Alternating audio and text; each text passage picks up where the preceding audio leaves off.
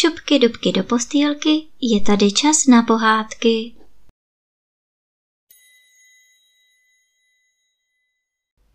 Dnes vám budu vyprávět pohádku Princezna a ropušák.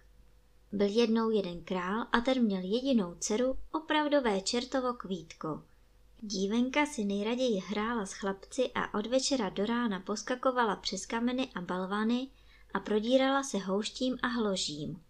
Když jí bylo deset let, lehávala celý den na loďce a jezeře a tu se jí jednou stalo, že jí drahocený zlatý šperk, který jí dalo.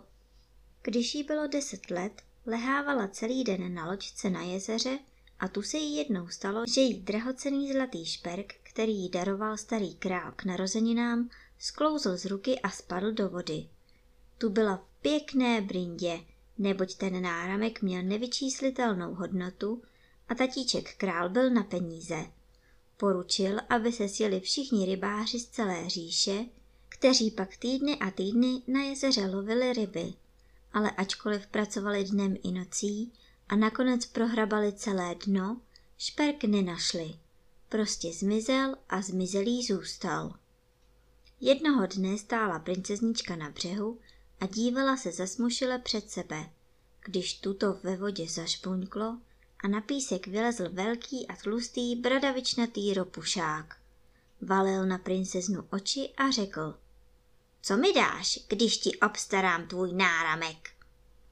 Kus zlata, velký jako talíř, odvětila princezna rychle, neboť by se jí na celém světě nemohlo stát nic milejšího, než kdyby opět dostala svůj náramek. Ale ropušák řekl, za zlato a stříbro ti ten zlatý šperk neobstarám, ale když mi splníš tři přání, přinesu ti ho ze dna jezera hned nahoru. Princezna řekla, to se musím napřed zeptat otce. A utíkala na zámek a do komnaty starého krále, kde mu o tom obchodu vyprávěla. Co si tak může přát starý tlustý ropušák? Pomyslel si král. Ten náramek konec konců za nějaká tři přání stojí a proto své dceři dovolil, aby Ropušákovi dala slib.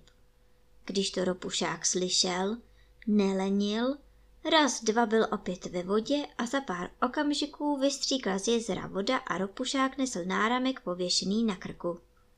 Princezna ho rychle vzala a ptala se na ta tři přání. Ty budu žádat, až se mi to bude hodit, odvětil ropušák a vlezl do vody, zatímco princezna běžela s náramkem na zámek a nemohla se radostí udržet. Mezitím princezna vyrostla, bylo jí už osmnáct let a na tu historku s náramkem dávno zapomněla. Tu jednoho dne někdo zaklepal na dveře, zrovna když s otcem a matkou seděla u stolu. Sluha běžel a otevřel a plesk. Dovnitř skočil ropušák a řekl. Princezno, jsem tu a moje první přání je, že s tebou budu po tři týdny jíst u královské tabule. Z toho nic nebude, řekla princezna. Ty jsi mi ale slíbila, že mohu mít za náramek tři přání, odvětil ropušák. Starý král řekl, co je slíbeno, musí být dodrženo. A s tím byla věc vyřízena. Sluha musel ropušáka posadit na židli vedle princezny a položit před něj talířek, na který princezna nakládala od všech jídel, která přišla na stůl.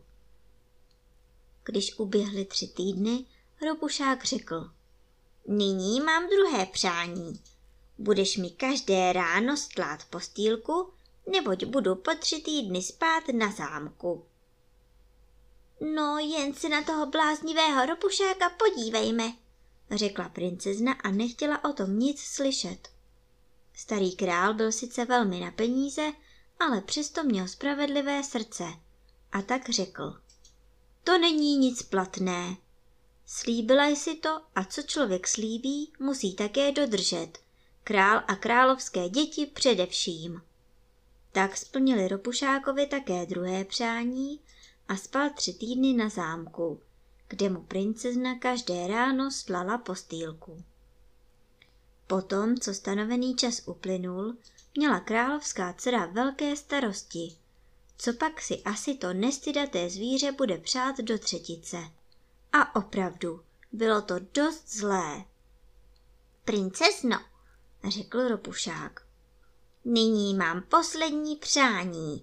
Chci po tři týdny spát ve tvé posteli vedle tebe.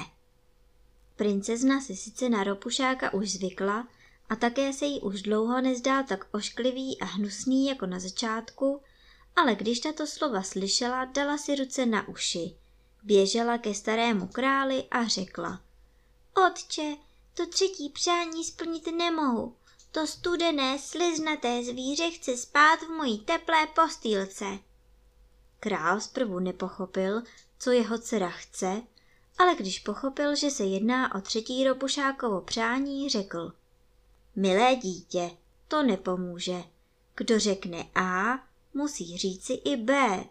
Dala jsi slib a musíš ho také dodržet.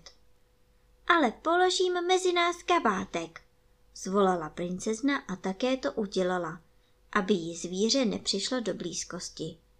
A na prstech rukou odpočítávala ty dny, tak velmi se těšila, až se svého hnusného hosta zbaví. Když uplynula poslední noc a začalo svítat, princezna se otočila, aby ropušáka popadla a vyhodila z postele. Ale co to?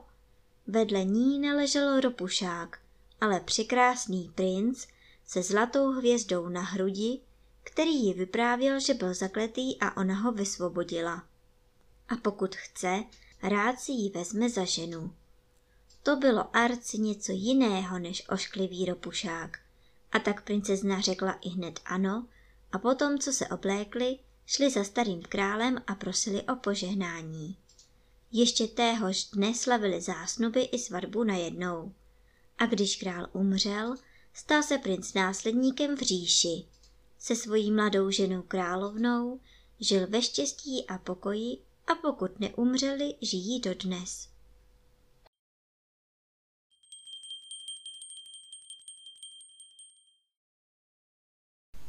A teď už zavřete očička a krásně se vyspinkejte.